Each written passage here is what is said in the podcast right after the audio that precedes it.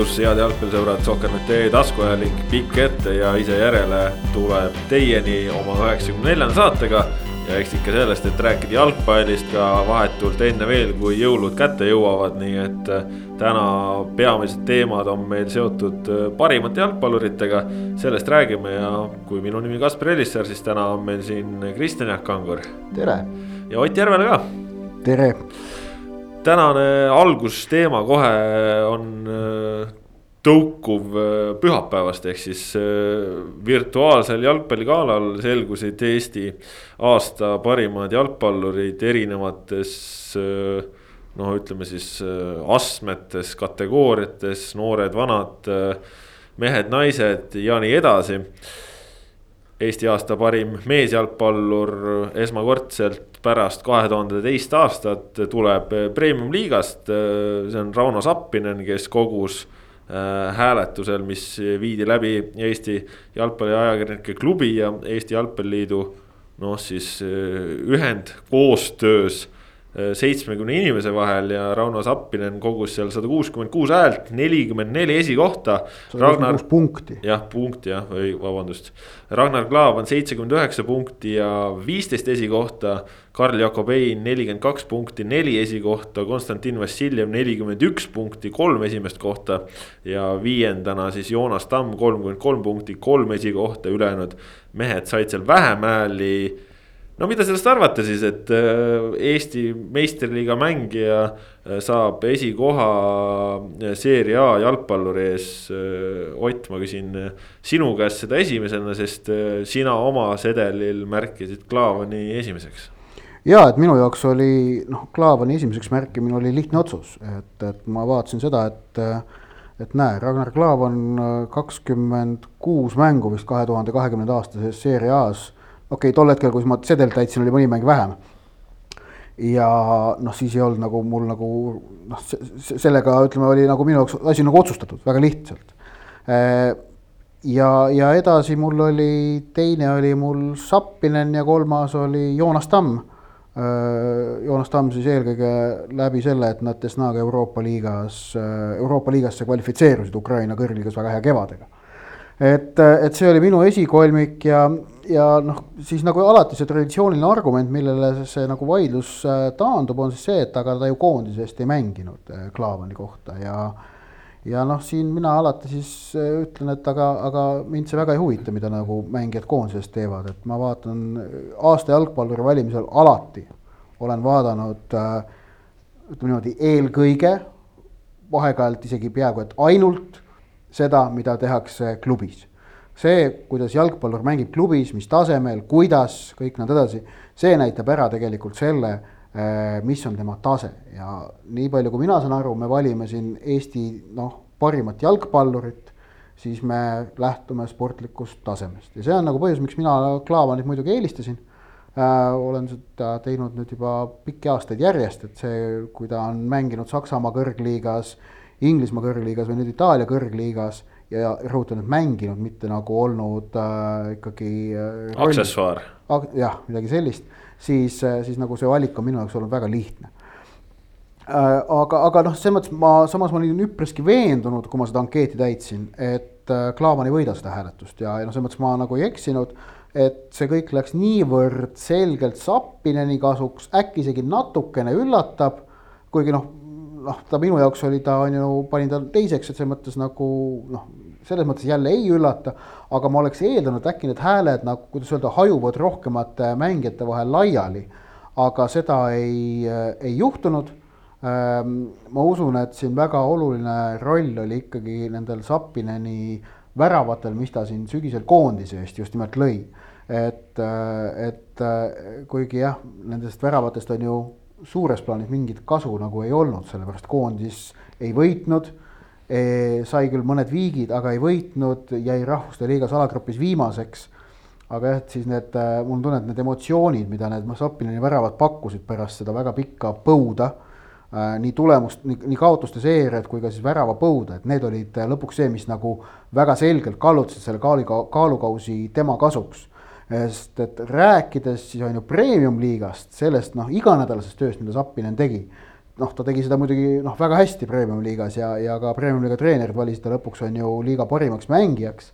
Ähm, et, et aga ma ei usu, et, et see oli see otsustav argument, ma arvan, otsustavad argumendid olid just nimelt, tema lõi koondisest lõpuks ometi oli keegi, kes suutis koondisest väravaid lüüa ja nii seda väikest asja oligi siis enamike Eesti jalgpallisõprade jaoks vaja. Äh, ja noh, ta noh, ütleme ma siin natuke räägin iseendale vastu, natukene ka mulle ka, sest noh, ma ütlen, minu ankeedil oli ta teisel kohal. jah äh,, minu ankeedis oli ka Zappinen teisel kohal, Ragnar Klavan esimene ja kolmas samuti Joonas Tamm ja kui mulle täna hommikupoole üks kolleeg ühest teisest väljaandest helistas, et et küsida natukene neid otsuste tagamaid ja neid põhjuseid, siis noh, mu vastus oli ka üpris ühene, et äh, me ei vali Eesti koondise aasta jalgpallurit, vaid me valime Eesti aasta jalgpallurit. Ja kui on mängija, kes on üle kahekümne kohtumise pidanud Euroopa top viis liigas, äh, mänginud olulist rolli, eriti kevadel, kus ta oli nädalast nädalasse seal algkoosseisus ja, ja nüüd siis äh, aasta teises pooles siin tervisega seoses natukene vähem mänginud, et noh, see on ikkagi kvaliteedi näitaja, et äh, minu jaoks on seetõttu võimatu Klaavonist mööda vaadata. sest äh, väga paljud ju tegelikult oma ankeetides vaatasidki Klaavonist ka täiesti mööda, ehk siis teda ei olnud üldse. muuhulgas teda ei olnud üldse valikus Eesti koondise treeneritel ehk siis äh.... seal üldse oli huvitav vaadata, et äh, Klaavan teenis sellel hääletusel oli seitsekümmend üheksa punkti, sellest viiskümmend seitse teenis ta Eesti Jalgpalli Ajakirjanike Klubi hääletusel. Äh, ehk et äh, siis noh no., seitsmekümne üheksast viiskümmend seitse tuli ajakirjanike poole pealt ja siis Jalgpalliliidu kolmekümne viie hääletaja poole pealt, kus siis esikoht annab kolm, teine koht kaks ja kolmas koht üks, ühe punkti, tuli sealt ainult kakskümmend kaks punkti. ehk et siis kolmekümne viiest äh, no eh, tegelikult ta oli seal kuskil ka teine, äkki oli isegi kuskil, äkki oli mõnel jalgpalliajakirjanik, jaa, oli Jalgpalliliidu poole peal oli ka mõnes kohas esimene. ma ei tea Mar, Marko Pärtpu pani esimeseks, Are Altrajal oli teine. aga, aga näiteks noh, kakskümmend kaks kolmandat kohta kolmekümne viiest Jalgpalliliidu hääletajast on ju, mitte ei, ei, ei midagi enamat, ehk et äh, jalgpalliliidu äh, poolsed hääletajad tegelikult ikkagi väga selgelt Klaavanit ignoreerisid. see ei ole midagi üllatavat ega uut jalg, äh, kogu selle hääletuse ajaloo jooksul me oleme näinud seda, kuidas Jalgpalliliidu poolsed hääletajad äh, väga palju rohkem kui ajakirjanikud lähtuvad sellest, mida on näidatud koondises. ja mulle see ei meeldi, ma ütlen ausalt, ma olen seda ka varem kritiseerinud, aga noh, nii see on nüüd anname sõna siis ka mehele, kes Rauno Sappineni on esimeseks pannud ja, ja no selles suhtes, et me mõlemad Otiga nõustume, et Sapinen tegi väga hea hooaja, lõi ju tõesti nii koondises kui liigas väravaid, aga. aga Kangur, ole hea, räägi siis nagu enda see vaatenurk lahti, kuidas, kuidas sinul see järjekord sedasi kujunes, mis olid need põhjused, sina ju tõesti.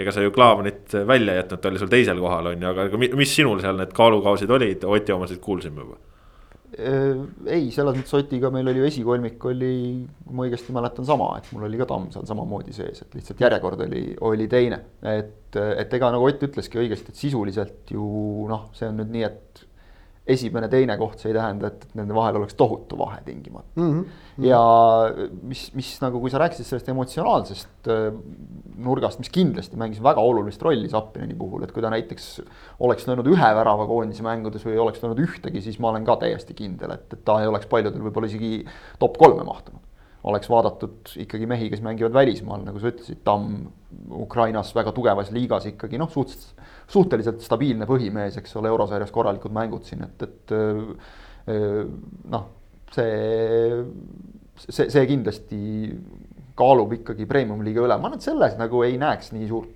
nagu mõned näevad mingit tohutut tragöödiat, et püha jumal, oleme tagasi seal Raio Piiraja aegades, kus, kus premium-liigast tuleb parim mängija, noh, on siis seekord nii.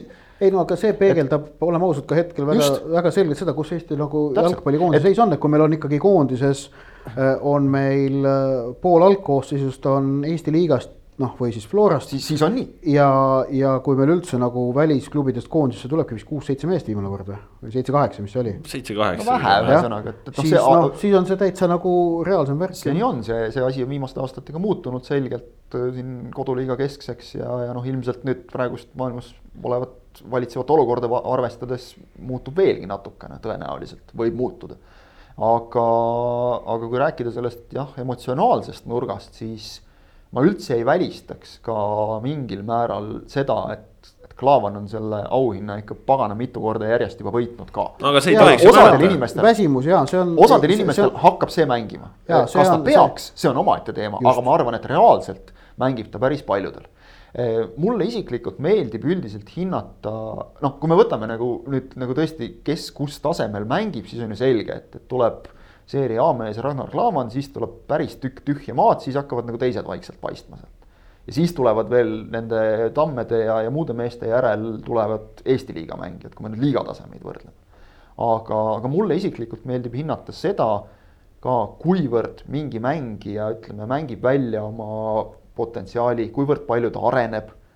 ja, ja vot just siin võib-olla see Sapineni noh, ikkagi väga selge samm edasi, ma isegi nimetaks seda ikkagi teatud määral esiletõusuks, eriti kui me räägime ka nendest koondise mängudest. siis, siis ma arvan, et need on need põhjused, mis, mis mängisid rolli ütleme jah, see, see väsimuse asi, noh, ta, ta ei peaks nagu olema argument, aga ma arvan, et ta ikkagi teatud määral on.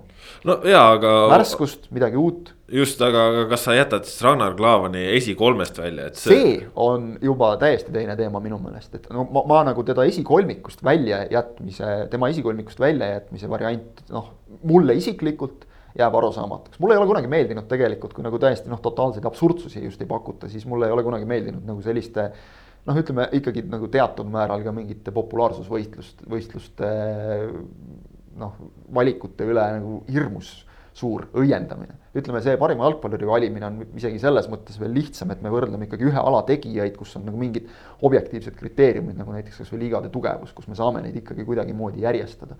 aga öelda nüüd näiteks kasvõi ka see, et, et seesama see emotsionaalne pool, et, et noh, kui ta nagu näiteks ei ole oluline.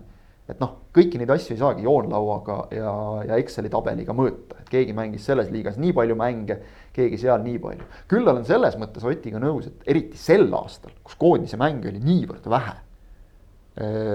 panna väga suurt rõhku valikut tehes koondise mängudele tundub no, mulle no, natukene. no mis sa nendel koondise mängudel paned, me ei võitnud ühtegi, selle järgi ei saa ju kedagi, kes koondises mänginud, ei tohiks üldse seal parimat hulgas olla. siis sama loogika järgi me ei saa näiteks neid Zappinini väravaid vaata ka lugeda, mida ta lõi nagu nendes mängudes Eesti liigas, kus seis oli juba või noh, võit oli selleks ajaks kindlustatud. no ei, ma meelega provotseerin. aga, aga, aga ütleme näiteks minu jaoks lõi nagu välja, isegi jätame need Zappininid ja Klaavanid praegu, aga Karl-Jakob Hein, kes tegi ju väga tubli hooaja, see, et ta valiti parimaks nooreks on minu meelest vägagi loogiline. samas on Mulle väga seal... ebaloogiline, et sinna valikusse Georgi Dunjov ei mahtunud. see on täiesti teine teema. kolme sekka jah, okei okay,. aga, aga, aga ütleme see, et, et Heina jõudmine nagu esikolmikusse, kui sa nüüd mõtled, et noh, mida ta siis nagu napilt, tegelikult. napilt Vassiljevist ees vist. napilt, üsna napilt jah ja.. vahe üks punkt jah ja.. vot, et mida ta siis nüüd nagu ütleme, noh, see, see kõlab nagu jube halvasti praegu Karl Jakob Heina suhtes. mida ta siis nüüd nagu hetkel nagu sportlikult tohutult saavutanud on, ta treenib Arsenali esindusmeeskonnaga. ta noh, ei ma ütlen kohe, mis Hein saavutas sel aastal, ta tõusis Arsenali neljandaks väravahiks ja tõusis Eesti koondise esiväravahiks, tehes Eesti koondisest no, väga head mängud. nüüd me jõuame koondise juurde. Ja, Heina ei, parimad, selgelt parimad etteastid ja ütleme, et põhjus, miks teda nagu üldse kaaluti. kui me räägime Eesti lõppenud hooaja parimast jalgpallurist, on ilmselgelt koondise mängud. Nende pealt ta tõusis nagu selget pilti, ma olen ma täiesti kindel, et kui ta mängiks, kui ta oleks Arsenali neljas väravaht ja ta mängiks Arsenali U kakskümmend kolmes. me ei räägiks kaheksateist aastasest Karl-Jakob Heinast, kui praegu Eesti lõppenud aasta top kolm mängijast, selles ja. ma olen täiesti kindel, et see näitab, kuivõrd oluline tegelikult on ka see koondise mängude osakaal just jällegi selles emotsionaalses plaanis.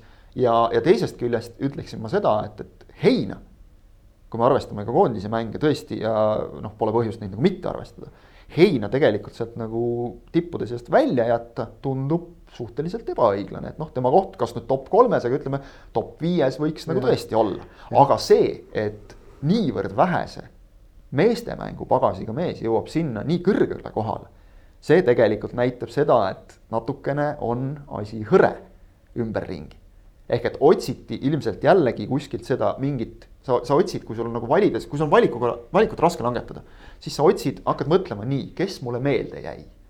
ja Zappinini kõrval ma arvan, et jäi hein paljudele. ja sealt tuleb see heinavalik ka, mille toel, need hääled, mille toel ta lõpuks jõudis sinna kolmandale kohale. Aga, muidugi aga... on, aga noh, sa ei, sa ei pane, ma ei tea, suurusjärk viie-kuue mängu pealt ei, ei vali, ei saa ju Eesti parimat valida, et noh, see on. ma praegu ei ürita põhjendada, vaid ma. ei, ma saan nagu aru, saada, mis loogika. ei, ma saan aru sellest loogikast, aga noh, ta jälle teistpidi on ju, et siis võib noh, kui neid loogikaid vaadata, mis on kuidagi emotsionaalne nii, et äh, ma ei tea, Ragnar Klavan ei löönud äh, aastal kaks tuhat kakskümmend äh, mitte ühtegi väravat, mina lõin kaks väravat, kas ma olen siis parem jalgpallur, ei ole, ma lõin need väravad kolmandas liigas tähtsusetutes mängudes, et see. Noh, see ei tähenda mitte midagi, et, et noh, siin peab ikkagi ju mingisugust nagu ei, igapäevast taset ja klassi loomulikult, peab ju arvestama. ma üritan lihtsalt praegu nagu. pugeda nii-öelda teiste vastajate pähe nagu, et, et, et minu jaoks ka noh, ei ole näiteks küsimust Joonas Tamm, see, mis ta seal teeb noh, see on, on üle selgelt. võib-olla me ei saa sellest nagu aru, teistest, paljudest teistest äh, jalgpalluritest, kes on ka muidu väga tublid mängijad, aga, aga võtaks selle siis kokku nii, ütleme, et, et see olukord on praegu natuke sitt. Aga loodame, et see on meie tuleviku väetis, nagu legendid on öelnud, sest et tegelikult neid mehi, kes nagu alt peale tulevad ja noh, nagu näeme, et Dunjovi mängud seeria A-s nagu poleks olnudki. Et mees ei mahu isegi top kolme nagu noore hulka, et, et see, see jääb mulle nüüd küll, selle kohta ma ütlen küll, et see jääb mulle arusaamatuks, eriti arvestades, et noormängijaid nimetab alaliidu juhatus, kellel tegelikult noh, peaks olema ikka vägagi hea ja igakülgne ja, ja objektiivne ülevaade asjade seisust. pluss Dunjovi puhul loomulikult koondise mängud. alaliidu objektiivne ülevaade asjade seisust, ma võtan sellest nüüd sõnasabast kinni ja naasen oma lemmikasja juurde, mälestuste juurde. peaks olema. mälestuste juurde aasta kaks tuhat üheksa Eesti aasta jalgpalluri äh, valimised ja Ragnar Klavan tuli toona Hollandi meistriks ning sai esimeseks jalgpall, Eesti jalgpalluriks, kes käinud väljakul meistrite liigas. okei okay,, tal see meistrite liiga hooaeg see sügisel oli pigem pettumus, ta sai vist platsile ainult ühe korra, mõneks minutiks äh, tegi penalti, mis iganes. fakt oli see, ta oli esimene eestlane, kes käis meistrite liiga mängus väljakul. Äh, ta tuli Hollandi meistriks. mitte ükski Eesti jalgpallur ei enne ega hiljem pole võitnud ühtegi niivõrd kõva riigi meistritiitlit. Viisteist jalgpalliliit äh,, toona osales hääletusel kakskümmend kolm liiget nii siis ajakirjanike poolt kui ka Jalgpalliliidu juhatuse poolt või Jalgpalliliidu poolt. jalgpalliliidu kahekümne kolmest hääletajast viisteist ei pannud Klaavant esikolmikusse ka mitte, kahe tuhande üheksandal aastal. kahe tuhande üheksanda aasta parimaks jalgpalluriks valiti Raio Piiroja, äh, eelkõige muidugi Jalgpalliliidu poolsete häältega äh,. Raio Piiroja koduklubi Fredrikstad kukkus tol hooajal Norra kõrgliigast välja. Samal ajal olid meil siis äh, Ragnar Klavan, kes oli olnud Hollandi meister ja meistrite liigas väljakul. meil oli Sergei Bareiko, kes oli teinud Venemaa kõrgliiga üheksandas klubis Tomski Tomis äh, väga hea hooaja, tõesti väga hea hooaja, nad said, Tom sai vist üheksanda koha, Bareiko mängis terve hooaja, äh, põhimees ja meil oli Konstantin Vassiljev, kes oli läinud lendava naftasse ja lendava naftas ka mingi äkki eurosarja või sai neljanda koha neljanda äkki jah. midagi sellist, noh, väga korralik hooaeg. Ja noh, see oli see, et jalgpalliajakirjanike seas tegelikult nagu hääled jagu hajusid nagu erinevate seas nagu ära ja igatepidi ja noh, jaotusidki, et no oligi nagu väga mitmeid teooriaid, kuidas nagu mille pealt minna. ja siis, kui jalgpalliliidu poolt tuli nagu tuimalt Piiro ja Haamer, eh, kes kukkus klubiga kõrgliigast välja. muidugi seal vaadati koondise mänge, sinna vist kaks tuhat üheksasse jäi vist ka see võit Belgia üle. Sügisesse, kus Raio lõi värava, on ju, jah, kaks-null, kaks-null võidumäng, Raio lõi värava. noh äh,, ma mäletan, toona me tegime Andres Vaheriga äh,, kas me, ei, me veel ei hakka, me veel ei teinud, aga me hakkasime tegema ju kas pool aastat hiljem seda Ugri ässade mm. saadet Õhtulehes. Ja ma mäletan, kas see oli siis äkki aasta hiljem, kaks tuhat kümme, kui me võtsime selle asja nagu äh, kui oli aasta, aasta parima jalgpalluri valmis, siis me võtsime selle asja veel nagu ette, meil nagu mõlemal jäi see hinge peale, ma mäletan. no seal ütlen nii, et äh, reaktsioonid, kui me selle teema tõstatasime, mõneltki poolt olid nagu ootamatult valusad, et noh, miks te niimoodi räägite ja kuidas niimoodi saab ja ikkagi koondis on tähtis. ja, ja juba toona noh, ütleme mul nagu toona jäi selles mõttes, et äh, noh, mitte keegi meist ei hindaks Raio Piiraja karjääri vägevust ja nõnda edasi, et noh, see on nagu kordumatu, kordumatu karjäär, ainulaadne roll Eesti jalgpallikoondise ja Eesti jalgpalliloos ja kõik nõnda edasi. aga kui me valime aasta parimat jalgpallurit, siis noh, me valisime kaks tuhat üheksa valiti Eesti parimaks jalgpalluriks mees, kelle, kes kukkus ja ta oli oma klubis põhitegija, kukkusid Norra kõrgliigast välja ja äh, kõrvale lükati mees, kes tuli Hollandi meistriks kusjuures Klaavani roll selles meeskonnas ei olnud mitte väike ju tegelikult. no ta mängis no,, ta, ta mängis, ta mängis pool hooaega. no ta, aga no, ta toodi, aga ta oli põhimees. tuli põhimeheks. jaa, aga ta tuli põhimeheks, ta, ta ei olnud nagu suvaline vend, kes mängis viis minutit. ta mängis viis minutit mängu lõpus. lükkasime kõrvale Venemaa kõrgliiga, noh, väga hea väravavahi, kes Pareiko tol hooajal oli, on ju, ja et, et noh, need, need valikud nagu on sellised ja see, et ma siin, no ma toon selle asja nüüd jälle sellepärast, tõstan esile just nimelt, et nagu kuidas need Klaavani punktid sel aastal erinesid, et noh, et ajakirjanike seas ta jäi vist, meil oli vist kolmkümmend viis ajakirjanikku, kes hääletasid, kui ma õigesti vaatasin, kümnel ajakirjanikul ei olnud teda esikolmikus. mis on selline suht nagu noh, noh loogiline on ju, noh, et ikka arvamused ongi erinevad aga siis see, kuidas nagu Jalgpalliliidu poolt, kuidas nagu sealt lähtutakse sellel hääletusel koondisest ja eiratakse tegelikult seda, mida tehakse klubis. see asi on olnud niimoodi juba mituteist aastat ja ma arvan, et see jätkub.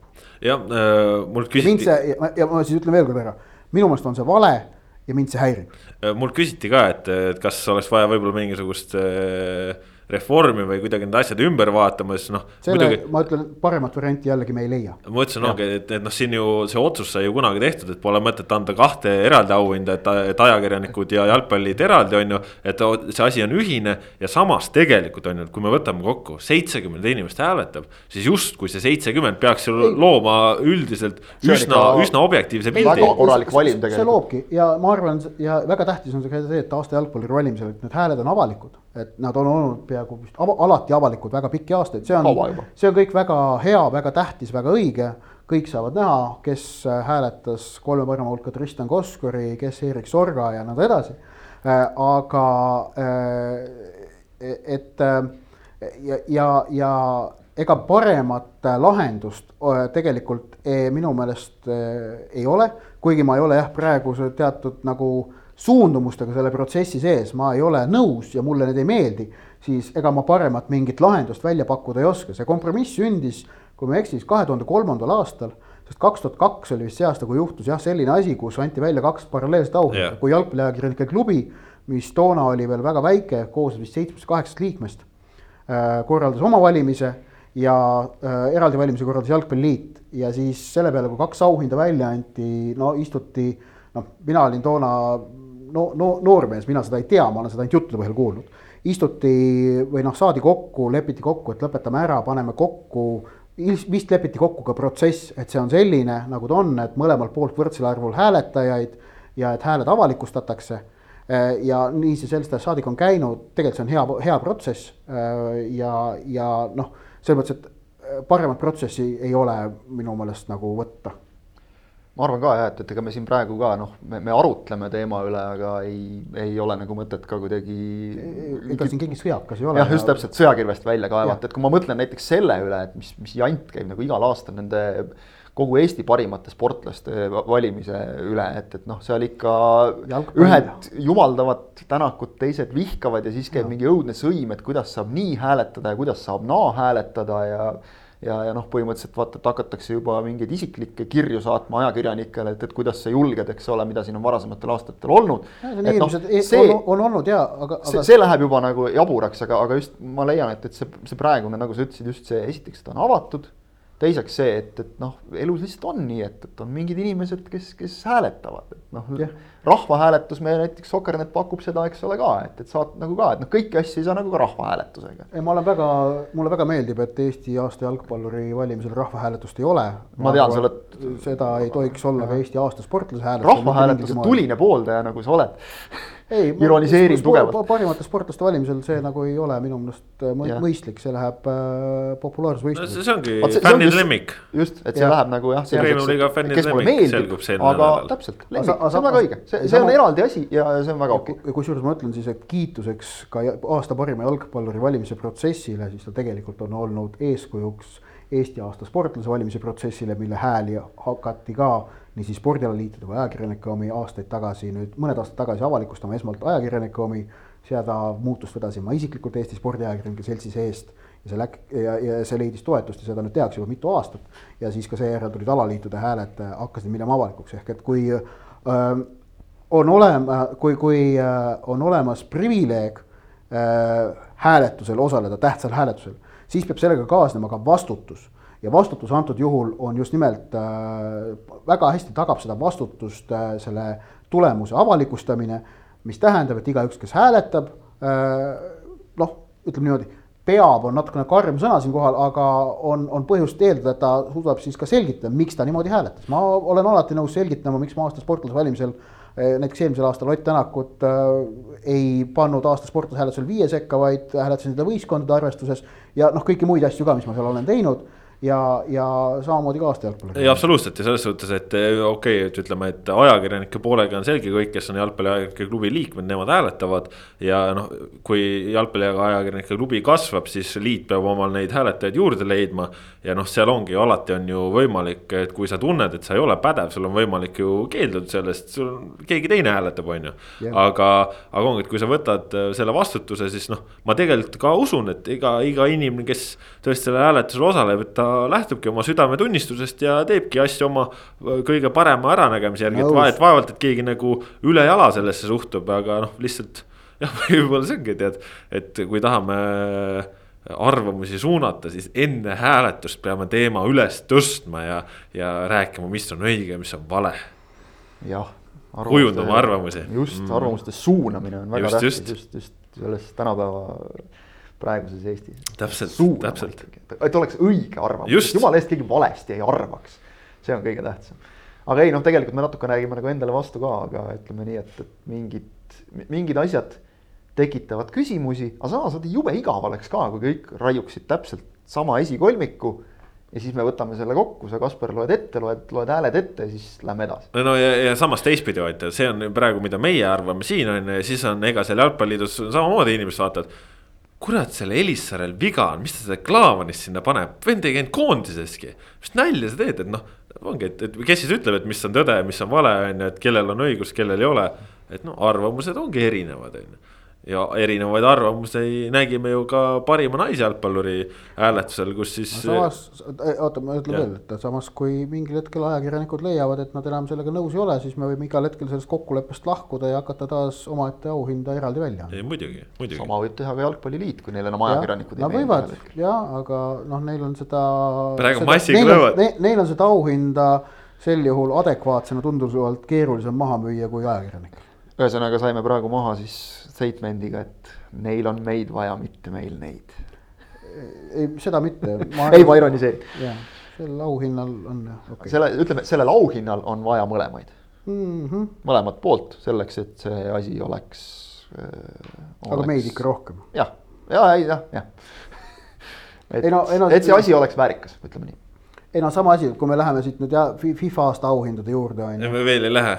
ei lähe, veel ei lähe. okei okay., no me läheme hiljem, aga, aga noh samamoodi, et, et või, või ka Ballon d'Ori puhul, et noh, et äh, seal kohe, kui sealt puudub ajakirjanduslik äh, sisend nendesse auhindadesse, siis need äh, siis tekib väga selge oht, et need muutuvad selliseks, mille kõige halvemat näidet me nägime kahe tuhande neljateistkümnenda aasta maailmameistrivõistluste finaalturniiril, mille parimaks mängijaks valiti Lionel Messi, kes oli tollel turniiril täiesti kohutav, aga nagu ilmselt äh, tagantjärele on teada, siis seda tegi FIFA sellepärast, et äh, teha, et meeldida oma suurtoetajale Adidasele.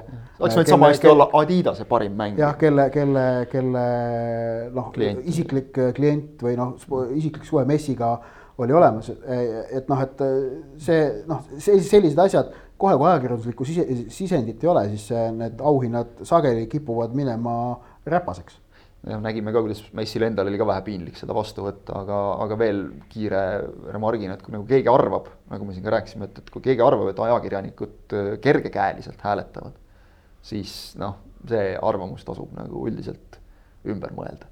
et ma tean, et paljude jaoks on nagu see, et, et ah, mis ajakirjanike arvamus loeb, et rahva arvamus on tähtis. et, et tegelikult äh, ajakirjanike puhul just, just tänu sellele, mida Ott ütles, et su nimi ja su valik on avalikud seal kes ennast vähegi nagu ise tõsiselt tahab võtta ajakirjanikuna, see võtab ka seda valikuprotsessi tõsiselt aga nägime Eesti parima naisjalgpalluri hääletusel ka väga pinevat heitlust ja, ja seal oligi ajakirjanike roll oli kaunis väikene ja. Ja selles mõttes tulemused minu jaoks isiklikult äh, kahtlemata üllatuslikud. Eesti parimaks naisjalgpalluriks aastal kaks tuhat kakskümmend valiti Kristina Pannikova, kes kogus neliteist punkti, kolm esikohta tema järel teine Katrin Look kolmteist punkti ehk siis ühepunktine kaotus ka kolm esikohta. sealt edasi Lisette Tammik üheksa punkti, kaks esikohta, Kairi Himanen kaheksa punkti, kaks esikohta. Innast Lidnis kuus punkti, üks esikoht ja Pille Raadik viis punkti ja noh, siin ütleme seal siis ka jalgpalliskeenes olevad inimesed ise hääletasid ja, ja Pannikovalt kahtlemata korralik aasta Pärnu vaprust äh, mängiva treenerina sedasi vedada, seal keskpoolkaitses niitu tõmmata, koondiseski ka olulises rollis, mõlemad koondise väravad ju sel aastal ta lõi. Aga noh, minu jaoks see tuli ikkagi üllatusena, noh eelkõige võib-olla vaadates siis äh, Katrin Loo rolli nii Eesti naiste jalgpalli valitseja Flora ridades, tema rolli koondises kaptenina. noh, tema väravate hulka koduliigas, pannes sinna veel juurde välismaal võitsid äh, Soome meistritiitli Pille Raadik, äh, Signi Aarna. Pille Raadik siis selge põhimängijana, Aarna roll oli natukene väiksem, Innast Liitnis. Ungaris esimene küll ei saanud äh, tiitlit kätte, otsustati, kuna seal hooaeg lõppes varem ära. seal ei antud tiitlit välja. just, just, siis Itaalia esiliiga võit Napolile, Vlada Kubassovale, Lisette Tammikule äh, nüüd, nüüd mõlemad siis, üks, oli... üks mängib Itaalia kõrgliigas, teine mängib Hispaania kõrgliigas. et noh, ütleme minu jaoks see valik oli ikkagi üllatav. ja minu jaoks ka äh,. aga, aga noh ütleme jah, eks, eks see, see protsess näeb välja natuke teistsugune, seal on jalgpalli no,. aga seal ongi ajakirjanike roll on, on väiksem ka nagu öeldud. aga, aga minu jaoks jah, et mina isiklikult väärtustasin kõige rohkem seda Itaalia esiliiga võitu, mille siis Tammik ja Kobossova saavutasid ausalt öelda. et see jättis mulle nagu noh, ütleme Soome meistritiitliga noh, jah, ka kõva, kahtlemata muidugi ähm, ja, ja noh, tegelikult see, et Sliidnis Ungaris ja nad läksid ka meistrite liigas on ühest ringist yeah. läbi, eks ole. et ka see oli tugev noh, tugev saavutus, et, et et noh, minu jaoks noh, need viis olid nagu selge esi e, e, esiviisik ja siis me hakkasime vaatama Eesti meistriliigat, et noh, et. et noh, et Floralt küll oli meistrite liigas Moskvast CSKA-ga hea mäng. aga no see oli ikkagi selge null-kaks kaotusmäng, mis andis meile ikkagi selge signaali, et, et mis on Eesti meistriliiga tase noh, muu Euroopaga võrreldes. ja, ja noh ütleme jah, kui meil on Itaalia kõrgliigas mängija, meil on Hispaania kõrgliigas mängija, meil on Ungari tippklubis mängija, meil on kaks Soome meistrit, siis äh, äh, noh, üllatav, et keegi neist seda parima auhinda ei võitnud. No ma ütlen, aga mul, minu jaoks oli see ka eelkõige just üllatus, et äh, noh on võimalik mööda vaadata sellest, aga noh, järelikult ongi, sa oled äh, siin koduses liigas, vaatad jälle, kuidas sul kodumaal tehakse, noh, ega ju Pannikova tõesti koondises mängis ju hästi, et ega. ega siin võib-olla ka jälle koondis ka kellegi jaoks natuke suurema tähtsusega ja, ja nii ta kulgeb, on ju, aga noh see on jälle, jälle kõneainet ütleme ja, jagub ja kõneainet pakub ja noh, samas jällegi, et, et kes, kes saab siis öelda, et mis see objektiivne tõde on või, või mis see mis see tõe kriteerium on, et kellel siis nagu õigus on, et äh, kokkuvõttes ju. ma ei tea, palju sul neid hääletajaid oli, mingi kümmekond või? vot just see, et, et see valim on üsna väike, noh, paneme juurde selle, et Eesti Jalgpalliajakirjanike klubilt, eks ole, läks üks ühine hääl tegelikult. Äh, seal oli ka hääletajaid natukene, natukene rohkem, küll alla kümne. aga noh, oleme, oleme ausad, Eesti naiste jalgpalli seis praegu on selline, et, et neid inimesi, kes oleks nagu nii süvitsi kursis, et julgeks otsust teha on äh, väga vähe tegelikult. Äh, loeme siia juurde selle, et noh, kui Eesti meestekoondislaste mänge ka täiesti tavavaataja soovi korral ikkagi noh, no enamikku ikkagi on, on võimalik jälgida, kui just keegi täitsa obskuurses liigas kuskil ei mängi, aga et noh, kui siin meil mehed olid Armeenias, siis seal, eks ole ka, võta Youtube lahti ja, ja saad ülekandeid kätte, naiste puhul kõige lihtsam näide, kuidas me isegi praegu tööalaselt oleme hädas, et tuleb Belgia kõrgliigas, mis nagu iseenesest võiks olla nagu jalgpalliriik. Belgia kõrgliigas mängivalt mängijalt endalt küsida kuule, ole hea, anna teada, kui palju sa mängisid, sellepärast et äh, alaliidu lehele normaalset protokolli selle kohta ei tule, et noh, väga raske on ennast niimoodi hooaja lõikes jooksvalt kursis hoida ja siis võibki see arvamus kalduda just täpselt nende mängude poole, mida sa oled näinud, koondis, Eesti liiga, sest noh, Eesti liigat, eks ole, näeb meie vahendusel, eks ole, ülekannetes ja, ja ka koha pealt näeb nagu väga no hästi. need, kes hääletavad no, naisjalgpallurist, nemad jah, on seal ju sees. näevad, eks ole, see on loomulik, et kui sa näed nagu igapäevaselt, eks ole, siis see nii-öelda kinnistub sulle, et, et see mängija oli hea sel hooajal, torkas silma ja siis võibki juhtuda, et sa nii-öelda nagu unustad täiesti ära, et, et peaks nagu kuidagimoodi ka paigutama sinna mustrisse need, kes mängivad välismaal, pluss see, et paratamatult ka naiste jalgpallis on need liigadevahelised käärid natuke suuremad ja nad alati ei kattu ka selle, ütleme, meeste jalgpalliliigade tugevusskaalaga no absoluutselt jah. et, et väga raske on hinnata just, aga noh, tõesti arvestades just nagu Ott luges need kõik ette, et siin neid näiteid on niivõrd palju. siis noh, ka minu jaoks ütleme siis üllatav oli see, et mitte keegi neist, vaid Pannikov, aga kiitus Pannikovale, tema, eks ole, on teinud kõik õigesti, järelikult on ta mänginud piisavalt hästi, et torgata silma.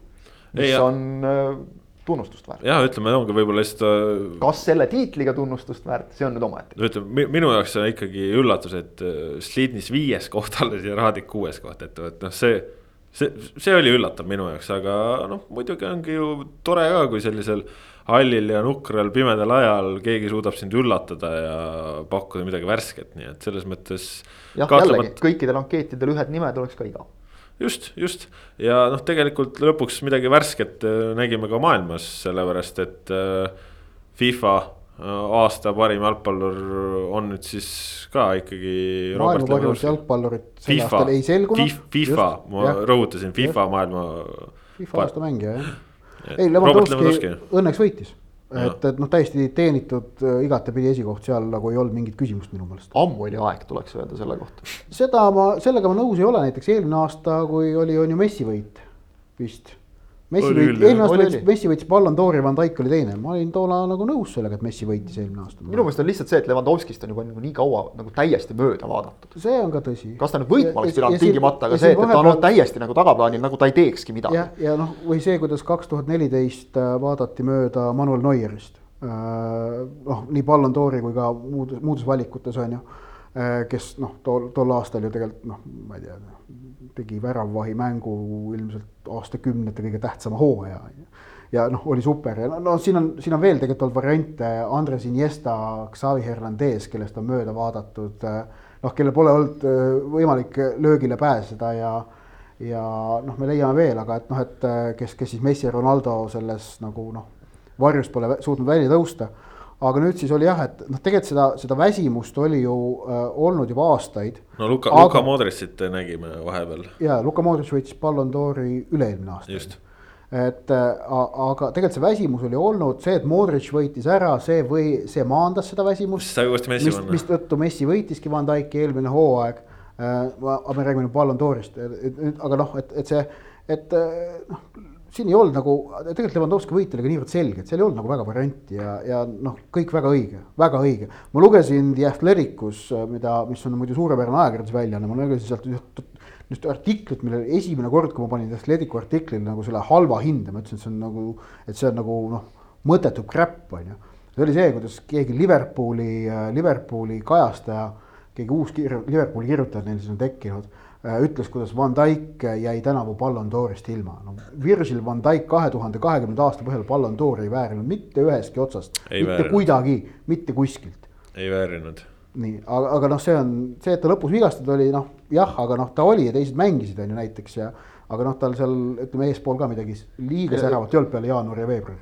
Messi saab nagu hooajaks teda väljakutelt eemale jätma vigastusi, me ei saa öelda ju, et ta oli eelmise aasta parim mängija no,, et jah, see pole just. mingi argument nagu. ja, ja, ja, ja Van Dijk oli noh, ta, ta ei olnud kehv loomulikult, aga enda kohta lasi ta latti allapoole nii klubi eest kui ka koondise eest. Just, tulid sisse sellised eksimused, mida varem ei tulnud. kahe tuhande kahekümnendal aastal just, just. hooajal kaks tuhat üheksateist, kakskümmend oli ta kokkuvõttes muidugi väga hea aga kaks tuhat kakskümmend. me hindame aastat, just. ja, ja vot mulle tundub, et siit jooksevad ka mingid käärid, et tihtipeale kiputakse nagu hindama seda hooaega, tegelikult peaks hindama aastat. aga kuidas ta nüüd Liverpooli meistritiitli eest ikkagi Liverpooli ei tunnusta jälle, noh see. no ja, jah, see on selline jah. aga, ei hakka sellel teemal siin. ja aga Levanovski võit oli noh, tegelikult see oli, see oli nagu prognoositav ka, ma ütleksin ikkagi ja. et see nagu üllatav oli see, et see Klopp aasta treeneri sai, mitte Hansi Flick. See oli väga üllatav, aga, aga tõesti tegelikult siis ja isegi Ronaldo edestas ka nüüd tänavu Messit, et äh, Lewandowski järel see Ronaldo teine, Messi kolmas siin ka noh, Ronaldo selgelt tegi parema hooaja kui Messi, et. jah Jah. ma küll ise, me Kaspar sinuga osalesime ka ühel hääletusel The Guardiani saja parima jalgpalluri hääletusel, mille esimene ots, kohad sada kuni seitsekümmend üks, ma vaatasin, on täna juba avaldatud, eks siin järgmised tiksuvad järgmiste päevade jooksul juurde. Ma võin öelda, minu esiviisik seal oli see, et esimene oli Lewandowski, teine oli Manuel Neuer, kolmas oli Neimar, neljas oli mul Sergio Ramos ja viies oli Erling Braut Haaland. see oli näiteks minu esiviisik, noh ma nagu Messi ja Ronaldo oli mul esikümne lõpus, kahe tuhande kahekümnenda põhjal, noh. ja mul Ronaldo esiviisikus ikka mahtus, aga, aga tõesti Lewandowski oli seal esimene, et siin küsimust ei olnud ja. Ja aga noh, selle Hansi Flicki juurde tulles, siis äh, võidad ära kõik, mis on võimalik, aga siis ikkagi noh, tegelikult ju ka sinna kolme hulka sai ju championship'i võitja Marcelo Pielsa, nii et äh, sihuke noh. vaata, see on nüüd hea näide sellest, et äh, kas Marcelo Pielsa saavutuste poolest oli lõppenud või lõppeval aastal maailma top kolm treener? Kindlasti mitte. kindlasti mitte. Aga see, mida ta tegi, oli lihtsalt niivõrd äge. see, kuidas ta, eks ole, pani ja paneb praegu edasi, just ütles pärast, me jõuame välisliigadeni ka, aga pärast seda eilset äh, koledat kaks-kuus pakki ütles, et, äh, et ei. huvitav oli näha, kuidas sina ütlesid selle me mängu kohta kole, koledat pakki. no oli kole pakk jah Nende jaoks tõesti. ei, kindlasti kaks-kuus kindlasti on parem kui üks-kuus, seda sinu- ma võin nagu isiklikult kinnitada, aga. sinu muie lihtsalt seal kõige aga juures. See käib asja juurde. jah, ei käib, käib. aga äh, see, kuidas Pielsa ütles ka, et ei, me mängime edasi niimoodi, et me peame lihtsalt noh, lihvima selle asja paremaks, aga me teeme oma asja. et see äh, usk, et sellesse, mida sina teed, on õige, võib-olla see on heas mõttes natuke hullumeelne tema puhul aga kui ma õigesti mäletan, ka Kostja Vassiljev ei pannud teda esimeseks, et see on nagu näha, et, et see, see võlub selliseid kunstniku hingi natukene. ja see on äge nagu selle, aga just see, et see hea näide. romantikute valik. just, et see on nagu hea näide, et, et kui palju meil on seal noh, ka nagu ütleme, Kloppil on omad asjad, eks ole. aga oota, ma siit. Pielsal on kandu, omad, kandu tagasi. Flickil on omad asjad. äkki need romantikute valikud olid ka äh, ütleme siin Eesti äh, parima mehe ja naise puhul et ikkagi võetigi sihuke romantikute valik. minu meelest no. ei olnud siin erilist romantikat. ei tea nagu, sellist romantikat, mida me näeme Marcelo Pielsa puhul, me küll siin kummagi puhul rääkida ei saa. võib-olla kui Kostja Vassiljev oleks parimaks valitud, äkki siis saaks nagu sellest ja, rääkida. siis oleks seal mingit loogikat, et, et noh, kes, mängija, kes tegi küll väga, väga korraliku hooaja ei no aga, aga, aga no Paniko näiteks mängiv treener keskpoolkaitses seal ei, teeb niite aga... koondise ainsad olulised väravad, äkki on nagu sihuke vaprus tuli ju ta alt ülesse. ma jääks ikkagi selle juurde, et tahaks, tahaks uskuda, et need argumendid, mis ma enne välja käisin. vapruse nagu... neljas koht äh, oli mingi eneseületus või üllatus? no liiga uustulnuka kohta võiks ju ikkagi ei, no, suurt. jaa, aga no tegelikult teda ta,, talle üpriski nagu prognoositi seda neljandat kohta. ei no muidugi nendel ju ka no, Valgevene, Valgevene parim naise jalgpallur mängib. et, et noh, et äh, pigem nad äkki olid isegi kergelt, kergelt pettunud, et neil lõpuks medalit ei tulnud. kuule, kas Eestis on varem olnud äh, satsi, kus mängivad kaks oma riigikoondise parimat jalgpallurit? ilmselt ei ole nagu Pärnu Vaprus seda nüüd naiskond siis on, sest et nii Eesti kui Valgevene parimad mängijad seal kuuluvad. aga kas läheme nüüd selle FIFA aasta mängija juurest edasi siis nüüd äh, välisliigade juurde, sest et noh, et Levanovski kohe laupäeva õhtul ka tõestas, miks ta on ikkagi parim, ehk et ja, ja, ja minu arust tõestas ka Hansi Flick, miks ta on väga hea, ehk et Saksamaa liidrite mäng, võõrsil Leverkuseni Bayeri vastu, jääd kaotusseisu ja tuled sealt välja tuled sealt välja sellega, et esmalt teed esimese poole keskel vahetuse, võtad Leroy Sané välja, paned Kingsley Comani asemele ja saad, annad sellega mängule uue noh, kuidas öelda, nüansi, uue võtme, muudad sellega mängu, mängu jah, seda helistikku, lööd viigivärava, teine poolaeg mängid head jalgpalli, okei okay,, mõlemapoolsete võimalustega head jalgpalli ja siis üheksakümmend pluss kolm lööd ära. kasutad ära vastase eksimuse, noh, Leverkusen noh ise ehitasid endale selle kaotusvärava muidugi, aga nad ehitasid selle ikkagi tänu sellele, et, et Bayern noh, kokkuvõttes surus neid piisavalt ja, ja lisaks siis ka see, et Bayern oli selleks eksimuseks valmis, kasutas selle ära, lõi ära ja Levanovski mõlemad. no Bayern on võitjate sats, seda võib Kristjan no, Jaak Kangur teile öelda. ikka täiega no,. kui seitse mängu järjest liigas on Bayern jäänud kaotusseisu ja ei ole kordagi kaotanud ühtegi mm neist seitsmest mängust, seitse viimast mängu. neli võitu, neli võitu, kolm viiki. Ja no ütleme, kui me räägime. see näitab, et nad ei mängi hästi, aga nad mängivad, noh, ma tahtsin öelda sõna fucking tulemuslikult. no aga miks mitte öelda, ütle saksa keeles, siis on okei et aga, aga mis, kui me räägime siin nagu jah, esiteks me ju teame, eks ole, hea klišee, et, et see on tugeva võistkonna tunnus, kui ka kehva mänguga võetakse tulemus ära ja, ja jällegi on kuidagi ootamatult juhtunud nii, et vaatad kõiki sarju ja Bayerni viimane kaotus, septembri lõpp, meil hakkab aasta lõppema kohe, kolm kuud on jälle möödas. ja jälle nad panevad, eks ole, nii nagu, kui, kui öeldi siis, et oli vist Hoffenheim, kellele nad üks-neli kaotasid, et, et. et, no nii, nüüd on vedru neil ka maha käinud, ei tühjagi. ja see, et, et siin viimastest mängudest, vot kujutad ette, täitsa halvasti on läinud, mõned viigid on tulnud aga treeneritest rääkides, siis seesama, mida sa mainisid, see, et Kingsley Coman välja, Leroy Sané kolmekümne teisel minutil sisse ja kuuekümne kaheksandal minutil uuesti. vastupidi. vastupidi, aga äh, kuuekümne kaheksandal minutil Leroy Sané uuesti välja, sest vaja oli mängu muuta yeah.. aga see näitab ka, et, et selliseid liigutusi teeb ainult väga enesekindel treener. Leroy Sané, kes oli Bayerni äh, selle hooaja see, see suur täiendus ja noh, ikkagi suur staar toodi Man City'st Yeah. aga kui sul on vaja, siis sa võtad selle ja, välja ja, lihtsalt, kui ta ei ole piisavalt hea ja Sane ei ole olnud sel hooajal piisavalt hea. ja, ja aga samas oli see, et minu meelest nagu kummagi vahetuse puhul ma ei näinud nagu mängijat sellist nagu ma ei tea, noh, sellist protesti või, või sellist nagu selget pahameelt. okei okay,, hinges kindlasti oled pettunud, noh, peabki olema ja, ja enamik treenerid ütlevad väga hea, et mängija on pettunud aga tegelikult nagu suures plaanis seda treenerit usaldatakse, et noh, et, et, et saadakse aru, et ta teeb oma asju nagu noh, et ta, ta tegelikult ta mõist-, jagab biiti. no ja ta, ta jagaski biiti, sest üheksakümmend pluss kolm tuli see kaks-üks võit ja Bayern on äh, tabeli liider. ja, ja, ja nendega kõik need vahetused, kõik Fliki otsused selles mängus äh, valideeriti ilusti praegu rohelise kaardiga ära, et, et sõiduluba on jälle. ütleme, et Mupoga probleemi ei teki no.. ei, üldse mitte. ja vaatame, kuidas see kaks-üks värav sündis, eks ole, noh, võid küll öelda ka, et, et Leverkusen, et lollid üheksakümmend pluss ei lükata mitte oma kasti juures söötu, vaid lüüakse pall ette, võetakse see, see viigipunkt ära. aga teisest küljest, miks pall kaduma läks?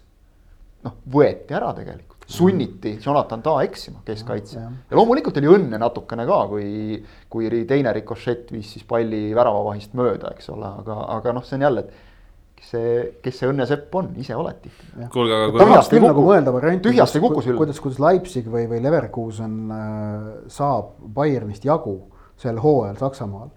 aga vaata, see ongi häda on selles, et see pikas plaanis ja. Bayerni kindlusele vastu saamine on ikka neetult keeruline. Leipzig, see hiljutine kolm-kolm viik Bayerniga mängis ju väga hästi ja, ja ei olnudki nagu midagi ette heita Leipzigile, aga, aga, aga jah, et ma nagu ei näe, et suures plaanis nad jagu saaksid see ongi see konks, et, et sa võid mängida sama hästi kui Bayern, aga öö, Leipzig, Leverkusen kindlasti komistavad millalgi mm.. Bayerni puhul. no Dortmund on ka siin juba, tuli no, ju suurte see, lootustega, aga nüüd ei, on. ei komista, need koperdavad juba tükk aega. nüüd on jah, et Haaland on maas ja, ja, ja ei ole enam. korra tundus, et, et uus peatreener ja, ja tuleb kohe jälle ja, ja nüüd tuli kohe jälle kaotus otsa mm., et, et no, et ühesõnaga. Dortmund võitleb esineelikusse mahtumisest. pigem jah, kui sa juba punktide vahet vaatad, siis seal enam tiitlist ei ole mõtet väga rääkida, et selleks peaks Bayern nii palju koperdama ja lihtsalt me olemegi näinud aastaid seda, et, et Bayern lihtsalt eksib teistest niivõrd palju vähem ja kui me räägime siis kerge romantikaga rääkida, siis ikkagi Berliini Unioni kuues koht tabelis on, on siis Saksamaal see annuse romantikat. no kui tahaks romantikast rääkida, siis äh, võib-olla selle vastukaaluks ka nukrusest, kurbusest, ahastusest ja pisaratest. Gelsenkircheni Schalke, kas teeb siis rekordi ära, et kaotavad aasta aega järjest oma kõik mängud või? ei tea. kaks mängu on puudu. ma ei oska nii palju öelda ausalt. kaks mängu on puudu ainult, Kangur Schalkes siin, kes. jube raske öelda, vaata sellised, sellised seeriad kipuvad, sellised seeriad kipuvad nagu täiesti lambi kohas katkema tihtipeale, et, et noh, seal, kus sa nagu üldse ei oska oodata. et, et ma ei tea, teevad, ei tee, noh, fakt on see, et, et nad on ikkagi. kolmkümmend mängu pole võitnud või?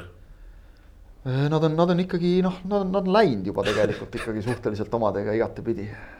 et, et, et see on nagu noh, see on täiesti hämmastav, on see, et, et kui ma tean, et Eestiski on, on inimesi, kes käisid vaatamas öö, mängu, mille Schalke võitis ja tõusis meistrite liiga kohale. siis, kui veel sai käia. Nad, nad olidki neljandad ja siis vist pärast seda. ja, ja siis öö, sellele järgnes veel üks võit, see oli siis eelviimane võit. ja nagu sel hetkel noh idioodiks oleks peetud, oleks pandud hullusärk selga, viidud minema, kui sa oleks öelnud, et aasta pärast te olete äh, ilma võiduta ja liigas viimased. See, et nad püsima jäid, oli noh, lihtsalt ütleme, õnn oli nende poolel, et hooaeg sai enne otsa lihtsalt. ja, ja see, et, et nad nüüd on seal, kus nad on, noh see on, see on, see on müstika, aga jalgpall on, on sedamoodi võlu, et, et mõni meeskond hakkab mängima järsku mingil hetkel, kui kõik asjad kokku klikivad. mehed on samad, treener on sama, mingi asi lihtsalt klapib või tuuakse, ma ei tea, üks mees juurde ja hakatakse mängima. teine võistkond laguneb ja, ja lagunebki ja jääbki lagunema, kuigi tegelikult nagu objektiivselt peaks nad olema kuskil tabeli keskel no,. kas aga... Arsenal jääb ka lagunema? just lagu, lagunemisest jah sinna.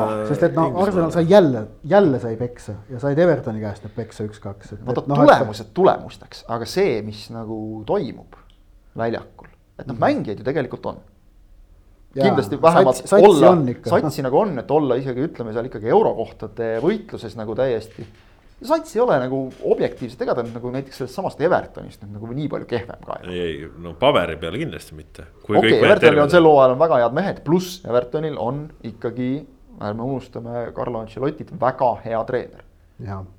väga hea treener, kogenud maksa... ja tark treener. et kas nüüd noh, see lõpeb ilmselgelt praegu üritatakse viisakalt hoida Mikel Artetat veel, sest ta on klubi legend, aga noh, see, see lõpeb ma, ei näe varianti, et see ei lõpeks uue peatreeneriga, see, see. ma olen, mina nägin jällegi vastupidi Olukord. ka, ka Või?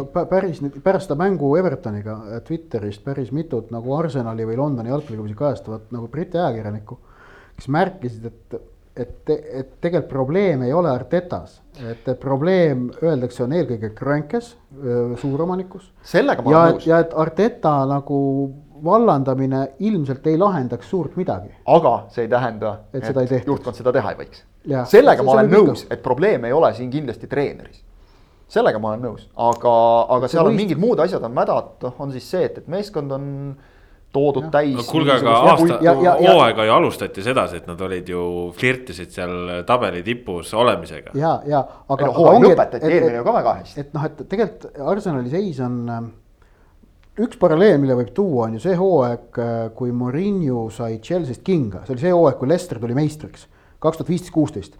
Chelsea oli tulnud ka ju kaks tuhat viisteist äh, kevadel meistriks ja kui Murillo kinga sai jõulude ajal, siis nad olid kas mingi viieteistkümnes tabelis või midagi sellist või no, no teises pooles, nad said lõpuks minu arust kümnenda koha. Äh, tuli peatreeneriks, tuli Timoteo vist on ju, oli või? Äkki. mina ei mäleta. jah, kes see jõuab neid lugeda? võisin ka eks-, või oli ka hiline, okei okay,, peast ei ütle. kes see jõuab neid lugeda sealt? toona me nägime esimest, vast esimest korda seda, et, ähm, et äh, see noh, absoluutne tippklubi, kui ikkagi asjad ei klapi, siis see Inglismaa kõrgliiga konkurents on muutunud sedavõrd heaks ja tihedaks et see tippklubi võibki hakata tappa saama. see on midagi sellist, mida me ei üheksakümnendatel polnud noh, variantigi näha ja kahe tuhandendatel ka ei olnud aga nüüd kahe tuhande kümnendatel ja noh, ka nüüd on see ikkagi asjade uus reaalsus eh,. ning eh,, ning Arsenal tegelikult on, on lihtsalt nüüd ütleme veelgi suuremate hammasrataste vahel, kui oli Chelsea toona, sest vahepealse viie aastaga on asi veel edasi läinud. see konkurents on veel paremaks läinud, veel edasi läinud, et me näeme seda, kuidas noh, West Ham ja Aston Villa, kes eh, no eelmisel hooajal olid nagu üks õnne, üks oli suurem õnnetusunnik kui teine on praegu tabelis kenasti kümnes ja üheksas ja mängivad väga nagu adekvaatset jalgpalli. ja vaata, kuhu äh, Sheffield on langenud, kaotasid oma väravavahi ja hopsti. just viimased, selgelt on ju, et, et kus me näeme praegu seda, et nagu tulemusi suudavad võtta. no ütleme, tagumine viisik on siiski suht selgelt äh, näha Premieris. Brighton, Fulham, Burnley, West Brom, Sheffield United. aga esimese viieteistkümne seas sul ükski tulemus ei üllata et noh, kui Newcastle läheb ja võidab Manchester Cityt või, või, või läheb ja võidab Leicesterit. no see ei oleks mingi maailma kõige suurem üllatus sealt. noh, Leeds ammugi ei ole. Crystal Palace me oleme näinud, suudab saada jah, Liverpooli käest null seitse, aga suudab ka samamoodi noh, võita äh, ja võtta tulemusi suurte vastu äh, noh, Wolves teada-tuntud, nad on hetkel tabelis kümnendad, aga nad on noh, mitu hooaega juba väga head olnud. Southampton, okei okay,, kaotasid Manchester City'le, aga kaotasid tegelikult napilt see oli noh, Southampton minu See arust oli võrdne mäng, see oli võrdne mäng, see oli hea mäng ja Man City noh, väikese klassiga võttis ära, nagu nad teevadki. et noh, et see on nagu, see on nagu neetult põnev tegelikult, mis praegu Premier League'is toimub. ja noh, kui sa ütled, et Wolves, eks ole, on praegu tegelikult nad on üheteistkümnendad praegu oma kahekümne punktiga, siis tegelikult neist teisest kohast lahutab neid seitse punkti. et see näitab, kui tasavägine see asi on, ma vaatan samamoodi täpselt, kui sa vaatad tegelikult praegu tabeli tippu, noh. Nendest äh, klassikalistest meeskondadest Liverpool esimene, Manchester United kolmas, Leicester, Everton. Manchester United kolmas ei ole midagi traditsioonilist või klassikalist. See on selge erand praegu. okei okay,, et liiga kaugel mõtled selles mõttes. ja liiga kõrgel jah, ilmselgelt. aa, liiga kaugel selles mõttes. liiga kõrgel, no, ilmselgelt. aga vaata see tegelikult, kui sa tõid juba välja selle, et, et Chelsea sellele ju järgnes see Manchester Unitedi vähikäik pärast äh, Fergusoni lahkumist Et need on Arsenali kord lihtsalt, no ta juba käis, eks ole, aga selles suhtes, aga, aga samamoodi, et, et kannatas ka täiesti seitsmendaks kukkuda. jah, ehk et, et juba siis tegelikult noh, olid nagu meeskonnad, kes ladusid põhja, aga see hooaeg on muidugi, me ei ole veel poole hooaja peal isegi. Aga noh, Leicester, Everton, Southampton. nii paljud, just täpselt. esikuuikus, kõik on väga head. kõik no, need on seal ja nad mängivad head jalgpalli. Et huvitav on näiteks see, et Ralf Hasenhüttel ja mulle see, see tohutult meeldib, see näide, Southamptoni näide. Hasenhüttel sai umbes täpselt aasta tagasi Leicesteri käest Southamptoniga null üheksa. Mhm. mida tavaliselt tehakse selle peale tänapäeva jalgpallis, treener oli jalaga, uus vend asemele ja hakkame aga jälle ehitama nii-öelda. Kusjuures see on seesama Southampton, kes praegu võiks mängida põhimõtteliselt, kui nad oleks kõik oma Van Dijkid ja Maned ja, ja kõik sellised mehed alles hoidnud, nad võiksid mängida praegu nagu tõesti nagu väga kõrget mängu tegelikult mm. -hmm. kes neil on sealt kõik läbi käinud, eks ole. keda, keda on müüdud ja siis nad mingil hetkel tundus, et, et nüüd nagu juba kukuvad ja siis nüüd on hakanud uuesti tõusma, et ikka leitakse sealt täpselt Danny Ingsid ja, ja muud sellised mehed nimede poolest ei ole nii kõva sats, aga meeskond on väga hea. Hasenhüttel jäeti ametisse ja nüüd sai tal hiljuti mõned mängud tagasi, sai tal täis kolmkümmend kaheksa liigamängu pärast seda null üheksa kaotust. ehk üks täishooaeg. Need punktid, mis selle aja jooksul korjati, oleksid andnud eelmisel hooajal Premier League'is, kui mälu ei peta, kuuenda koha vist mm. mõni punkt rohkem ja oleks olnud juba kolmas koht. ehk et äh, mulle see tohutult meeldib, et on üks treener ja oli üks meeskond ja üks juhtkond klubis, kes andis treenerile aega, ütleme otse, sitast välja ronida Mm -hmm. Ja seda praegu mulle tundub, mulle tundub, et ollakse natuke rohkem jällegi võrreldes vahepealse ajaga valmis treeneritele andma. ja, sest meil oli esimene Premier League'i treeneri vallandamine oli nüüd nädala keskel äh, ja see oli siis kolmeteistkümnenda vooru järel, kui West Brom äh, loobus Slaven Bilicist. see oli esimene treeneri vahetus Premier League'is sel hooajal. ja oleme ausad, see oli eks Sheffield natuke. Unitedist Chris Wilder varsti läheb, seal Jah. ei, ei, tundub loogiline, paraku. see ja, ja see oli selles mõttes veel natuke ju ebaloogiline, et, et tegelikult otsus tehti enne juba ära ja siis sai Bilic kätte üks-üks viigi mm. -hmm. Aga- Man City vastu, just, et, et ühesõnaga see noh. samamoodi Ancelotti ka, eks ole, mingil hetkel Evertonil noh, läks nagu see asi ligadi-logadi, tee rahulikult oma asja ja hakkasidki jälle tulema. see kõik näitab seda, et kuivõrd suur hulk kvaliteeti on nüüd Premier League ikkagi äh, kohale jõudnud. ja, ja siit minu küsimus ka, et kui me rääkisime siin head jalgpalli mängivatest võistkondadest, kes siis äh, Spurs on ka ikkagi tegelikult äh, väga head jalgpalli mängiv ja nad oleksid väärinud võitu Liverpooli üle ja. ei, tähendab selles mõttes küsimusele võib vastata kahes osas, et, see esimene pool, ütleme jättes võib-olla kaks viimast mängu kõrvale, siis jah. On küll olnud Spurs väga head jalgpalli mängiv võistkond. noh, Mourinho ütles, et Liverpooli vastu ka. no oli- ütleb palju asju, aga äh, kusjuures li- Liverpooli vastu see esitus, sellel ei olnud viga. eile see, mida näidati Leicesteri vastu, vot see oli selline noh, munadeta mäng või nagu hambutu esitus ja, ja kuidagi nagu võidutahet ja kõike seda ei olnud. see, et Liverpooli vastu niimoodi mindi nagu mindi, selles ma ei näe mitte mingit probleemi. see on loogiline otsus, minu meelest oligi, et Liverpool, Ever- äh, Tottenham mäng oli see, kus mõlemad äh, mängisidki hästi. mõlemad äh, ja, ja. erinevalt, aga hästi. just, mõlema lähenemine oli erinev, mis on ka ootuspärane, sest et Murillo ja Klopp näevadki jalgpalli nagu noh, teistmoodi. Jah, ja kui see viimase minuti värav välja jätta, mis nagu Tottenhamilt võidu võttis, noh, mis noh, siis, siis tegelikult Murillol oli täitsa nagu põhjus öelda, et me mängisime tegelikult paremini ja samamoodi sai ka Klopp öelda, et me mängisime paremini. et see, et nagu Murilot hakati naeruvääristama selle üle, et ta seda pärast ütles, tegelikult minu meelest see nagu ei olnud õige, et see oli nagu noh see on täiesti arusaadav, miks ta seda ütles ja kuidas tema seda mängu nägi. et, et see oli nagu, see oli, see oli täitsa nagu asjakohane, aga Tottenhami puhul on nüüd jah nii, et, et nad on noh, seda hoogu on nagu purjedest nagu väga palju ära kadunud, et see on nagu nüüd see on nagu Murillo jaoks väga selge väljakutse, ta peab suutma nüüd järg-, selle jõuluajaga selle hoo tagasi saada. mitte midagi pole kadunud, kaugeltki veel. Äh, kaotuspunktiline Liverpoolil on kuus punkti, mitte midagi. neliteist mängu mängitud, kuus punkti, tegelikult ka, sellel hooajal eriti, ei ole hullu. Äh, aga, aga tal on vaja see nüüd see nagu hoog uuesti üles saada. et noh, äh, läheb selles mõttes jälle, nende jaoks on need väga pingelised mängud, see, mis nüüd jõuluajal tulevad Manchester United läheb aga jõuludele vastu noh, sihukene paila tegelikult noh, et noh su, superhoog on sees. see eilne kuus-üks äh, Leedsi, kuus-kaks jäi lõpuks vist jah. et noh, et äh, see kuus-kaks, kuus-kaheksa, aga, aga vaata liigatabelit, et kui nagu neile äh, pidamata jäänud mängu eest kolm punkti või võrguks oleva mängu eest kolm punkti arvestada, nad on Liverpoolist kahe punkti kaugusel. Manchester United tuleb Inglismaa meistriks, no ärge tehke nalja noh no mõtlen, nad võivad vähemalt järgmiseks aastaks äh, meistrite liigasse saada, siis vähemalt tehke no, jah, et saaks alagrupis välja kukkuda, eks ole.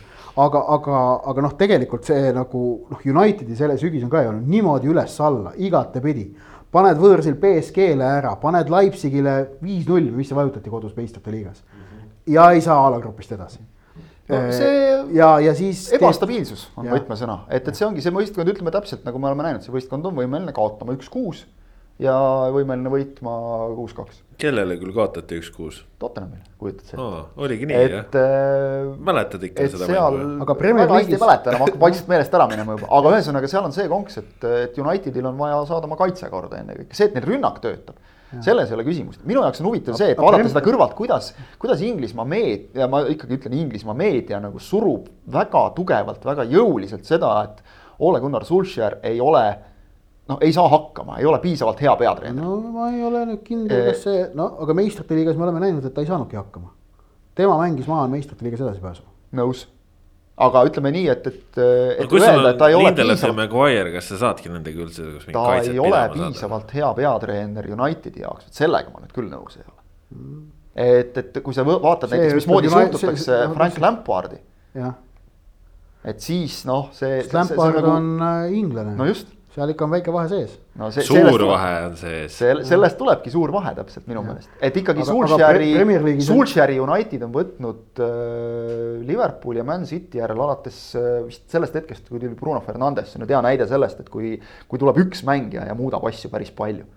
et, äh, et sellest hetkest äh, on, äh, on nad nii-öelda Inglismaa paremuselt kolmas meeskond, et, et tegelikult ütleme nii, et mingid mängud on, kus on ikka väga selgelt näha, ma tean, sa viitad sellele Pasakse Hiri mängule, see oli üks, kus ikkagi ilmselgelt nagu noh, seal on treeneri suutmatus selleks mänguks meeskonda häälestada mm. -hmm. samas näiteks eilne mäng Leedsiga oli, oli väga nutikas ka minu meelest treeneri poolest panna sisse Scott McTominay ja Daniel James.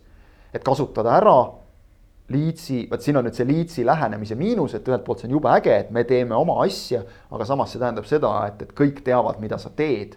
Ja... ta ju luges algkoosseisu no, vahepeal. kusjuures see on selles mõttes huvitav, et see on Inglismaal nagu väga selline oo treener avaldas algkoosseisu. mujal Euroopa riikides, Hispaanias näiteks, kus Pielsa on ka töötanud päris palju, see ei ole nagu üldse nii ebatavaline. treener ütleb ära, et, et me lähme nii ja kõik, et noh. see on inglaste väike. see on, see on inglaste kiiks. aga jah, Premieris on Unitedil viimasest seitsmest mängust kuus võitu, üks viik, viik tehti Man City'ga. noh, ei no, ole nagu. jah, ütleme muidugi on see ka probleem, et, et kui sa nagu lased endale kohe alguses mingi lollaka värava ära lüüa ja siis hakkad sealt tagasi tulema, et pärast on jube hea nagu rusikaga vastu rinda taguda, et me oleme nüüd vist kuus mäng, kõik kuus mängu võõrsil jäänud kaotusseisu ja võitnud.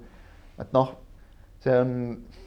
ma, toon, ma toon natukene võrd-, võrdluse meie eelmisest saatest, et see on see, et kui sa nagu tood rusikaga vastu rinda, et me oleme viis aastat järjest premium-liiga ülemineku mängud võitnud, et noh, võib-olla nagu viis aastat järjest seitsmes koht saada oleks natuke kõvem saavutus, aga noh, see selleks.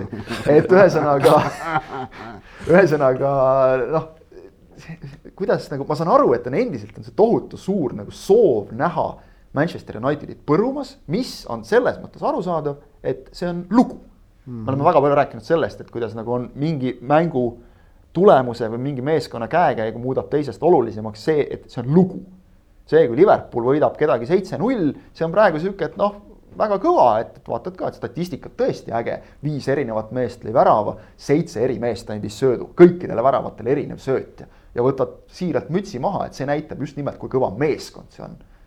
ja kusjuures kõik need väravad, vist kõik väravad olid minu meelest väga ilusad väravad kas hea kombinatsioon, mängitakse kaitse kuidagi ribadeks või siis lihtsalt Salah keerutab taha nurka, kui vaja on.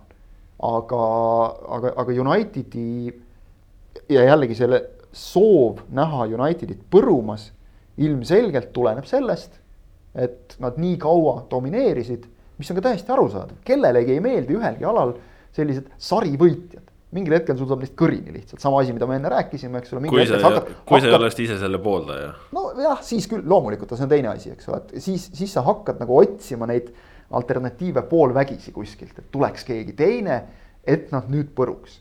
aga, aga ütleme nii, et, et see kõik praegu need, need lood, need on ägedad, kuidas saab Lampard hakkama, kuidas saab ikkagi Sulcher hakkama, kas Unitedis on mingit sisu või siis need võidud tulevad koba peale ja tegelik tase on need üks-kuued, eks ole. Kui, mida need mustad hobused teevad, kas, kas Murillo saab selle asja uuesti käima? ja nii edasi ja nii edasi, kas see Liverpooli rong nüüd lõpuks ühel hetkel nagu rööbastelt välja ka sõidab, sest noh, me teame, et isegi sellel samal Manchester Unitedil noh, ikka tuli neid koperdamisi sisse, et see võib-olla ütleme tippliigadest nagu ühe meeskonna selline stabiilselt tipus püsimise võib-olla kõige parem näide isegi Man Cityl me oleme ju näinud, et, et nagu tundus, et noh, nüüd nad tulid ja nüüd nad jäävadki valitsema ja eelmisel hooajal ei saadud kaitset korda, sel hooajal ei saa Peep Guardiola kuidagi seda rünnakut jooksma. Peep Guardiola, kes ometigi nagu meeskonna juhendamisest üht koma teist teab ja ega tal need kõige kehvemad mehed ka seal koos ei ole. no tundub, et praegu lihtsalt äh, vaikselt on ikkagi Euroopas valitsemas endiselt need äh, kahe tuhande kuueteistkümnenda aasta Portugali EM-tuuled, et äh, tood Portugalist omale Bruno Fernandesi, hakkad mängima. tood Wulves omale pool portugallastest satsi, hakkad mängima. noh, Juventus, Ronaldo küll pole meistrite liigas veel midagi teinud, aga vähemalt Itaalias võidavad.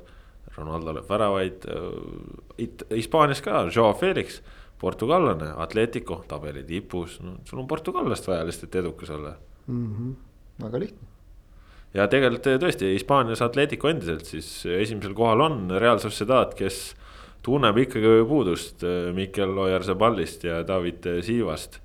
noh, on hakanud lonkama ja, ja Real Madrid on nüüd juba tabelis Atleticule lähenemas, nädalavahetusel saadi võit, eh, samal ajal kui Barcelona endiselt ei saanud võitu jah, et kui, kui vaadata, mis, millal. Valencia viik, noh, see ei olnud väga üllatus ka, et noh. no see, selle nurga alt on, et Valencia on ikkagi no,. Ikkagi... praegusel hetkel ikkagi sihuke tabeli suvaline keskmik sats, et nad oma hiilguse on ikka. ma, ma siin, see paistis nagu kaugelt on täpselt tüüpiline selline mäng, kus nagu Barca võitu ei saa, et noh, see on selline. Noh, tundus sellise mänguna, noh, selle hooaja Barcat vaadates. nojah, aga noh, Valencia on ise samasugune tegelikult lihtsalt. ei no jaa, aga vaata, Barcal on praegu see ju, et noh, nad olid paar mängu, nad olid ju nüüd äh, võitnud minu meelest. Et siis nagu neil oli vaja sellist nagu banaanikoort, millele libastuda ja noh, Valencia oli täpselt ilus selline kollane, noh, Villa, Via Real oleks olnud selles mõttes veel parem variant, et. aga Via Real on, Via Real on nüüd nendest tabelis möödas, nii et no,. jah, jah. aga samas jällegi Barcelonal mängis selles viimases mängus, eks ole, ka keskkaitses mees, kelle nime ma jälle ei mäleta, see ei, ei ole nii väga ebatavaline et kes, kes tegi vist neljandat mängu esindusmeeskonna. no siis Araujo on ikka rohkem teinud jah. ta, ta on ikka rohkem teinud, ma kohe. Mingueza just, Oskar Mingueza, et, et noh, vigastused, mured, kõik asjad, aga, aga muidugi Real Sociedad on nüüd näide sellest, et kuidas väga hästi alustanud meeskond ikkagi täpselt nagu sa ütled, kui mingid mehed no,. kaks, kõige suurem, suur, suurem väravlööja mängujuht on väljas ja, ja. et siis tuli kõigepealt erisarjade peale kokku kuus viiki järjest ja nüüd on tulnud kaks kaotust järjest, okei okay,, üks neist Barcelonalt, aga noh, teine Levantelt, mis on ikkagi juba sihuke natukene noh no, no, murekoht ja järgmine mäng on. no Levante võidab Reali iga aasta. homme, homme mängivad Atleticoga, nii et, äh, et noh, sealt. see on oluline mäng, see on. Hispaanias. pudeneda juba päris kaugele. Hispaanias okei okay,, see tabeli tipp niivõrd tihe ei ole, aga Hispaanias kaheksateistkümnendal kohal väljalangemistsoonis on Valladolid neljateistkümne punktiga ja üheksandal kohal on Cadiz kaheksateistkümne punktiga liiga, liiga on tihe jah. üheksandast kaheksateistkümnendani, kümme satsi on viie punkti sees. no ja tegelikult isegi Ega seitsme see..., seitsme punkti sees on üheksandast kuni viimase osa suunani. jah.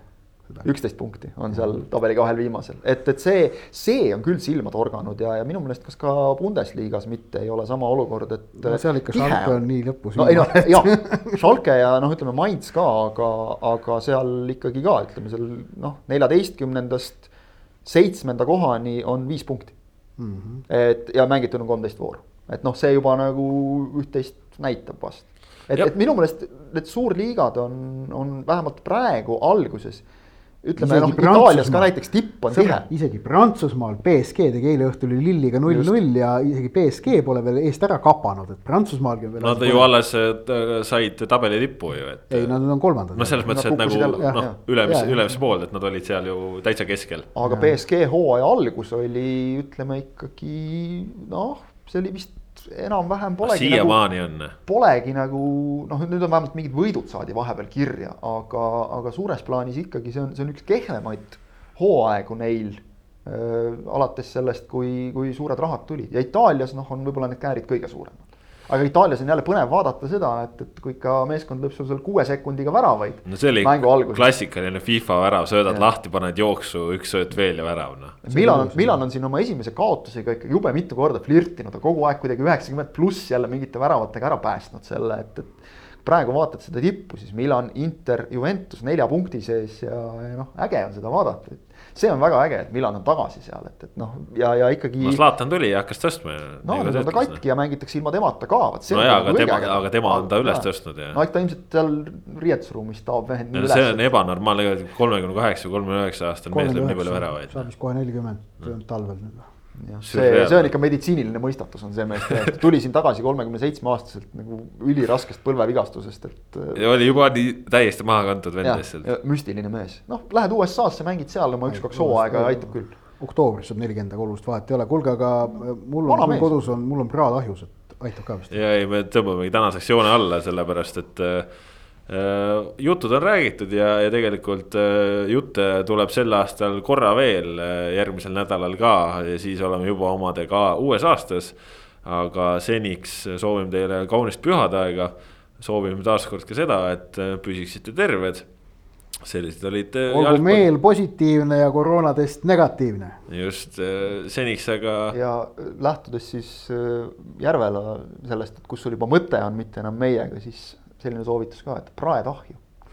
no kus siin segavad ja on alles leidlikud täna need noormehed, aga tõesti miks. sulle peab viimane sõna jääma alati, ma ei saa aru, see on kogu aeg on meid närinud kõik need, mis meil on, üheksakümmend saadet. no aga pole ju, siis kui mind ei ole, siis sina ütled need viimased sõnad ja.